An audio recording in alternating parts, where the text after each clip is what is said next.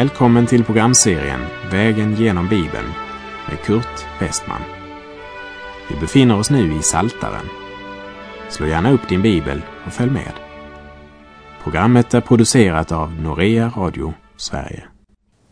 Vi befinner oss i den 137 salmen och avslutade förra programmet med att säga att vi lever i en tid då många kristna bröder och systrar har hängt undan sina harpor och sitter och gråter vid pilträden.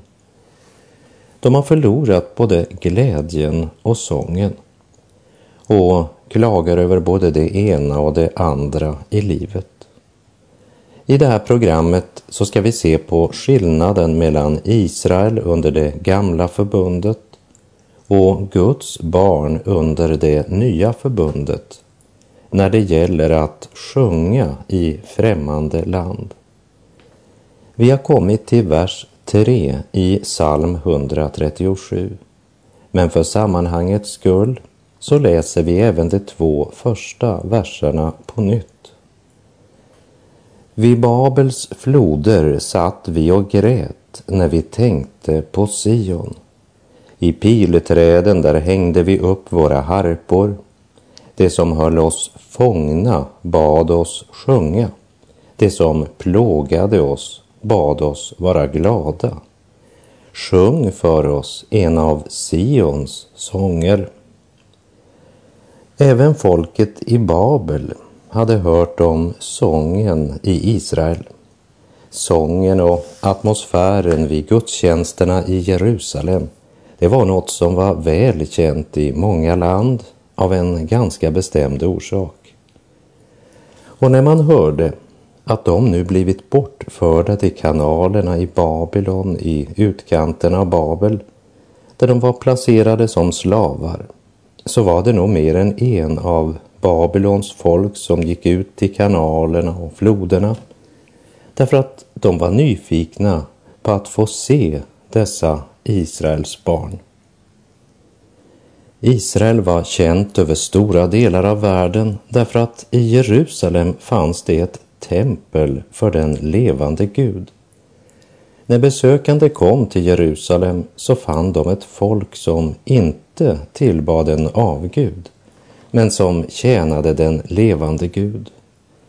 En Gud som folket närmade sig genom försoning och syndernas förlåtelse och de sjöng sånger, lovsånger till Gud. De tillresande hade varken sett eller hört något liknande tidigare. Och ryktet det spred sig över den då kända världen. Drottningarna Saba kom väl till Jerusalem först och främst därför att hon hade hört om Salomos visdom. Men när hon väl hade kommit dit fick också hon bevittna detta folks gudstjänst. Under de stora högtiderna så samlades folket i enorma skaror i Jerusalem. Och de sjöng de här salmerna med tillhörande musikackompanjemang.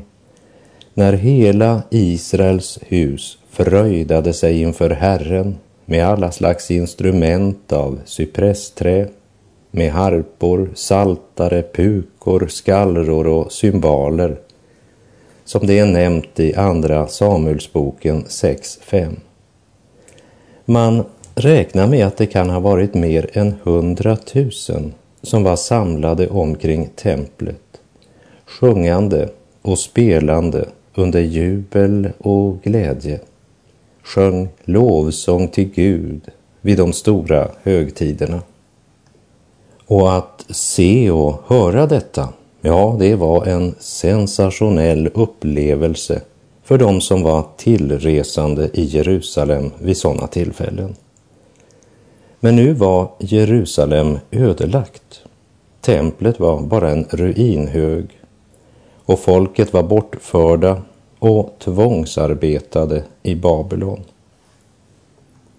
Och många av de babyloner och andra folkslag som hade varit i Jerusalem sa ungefär så här. Jag var i Jerusalem under några av dessa högtidsdagar eller festdagar som det här folket hade. Och där kom pilgrimer ifrån olika delar av världen, förutom alla dessa från provinserna i Israel. Och de samlades omkring sitt tempel, mer än hundratusen människor. Och när offren bars fram och röken steg upp från templet så stämde folkmassan i en psalm så hela staden gengöd av sång. Jag har aldrig hört något liknande. Och du ska veta min vän att vi talar om ett folk som genom tiderna har varit musikens och sångens folk.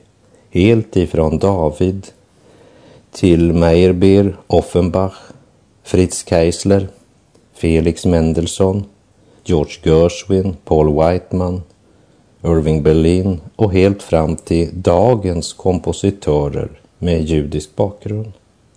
Och när det här folket möttes i Jerusalem och sjöng till Guds ära så blev det känt i stora delar av världen.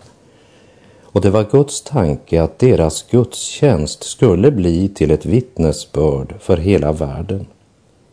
Men nu var de alltså fångar i Babylon och folket i Babel sa Låt oss dra ut i kanalerna och lyssna till den fantastiska sången som vi har hört så mycket om.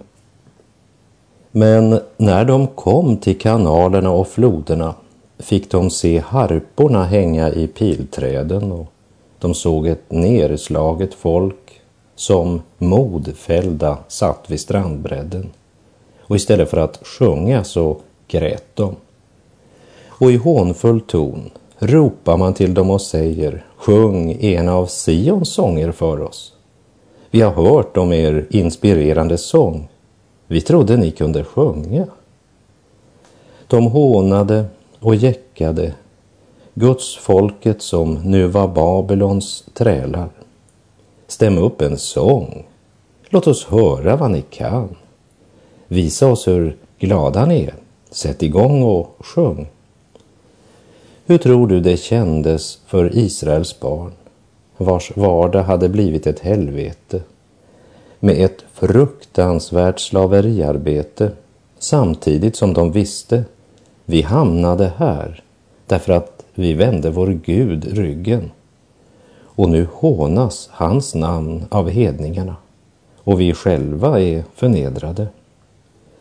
Och tankarna gick till Jerusalem och templet och högtiderna medan deras plågare skrek var glada, sjung för oss ena Sions sånger.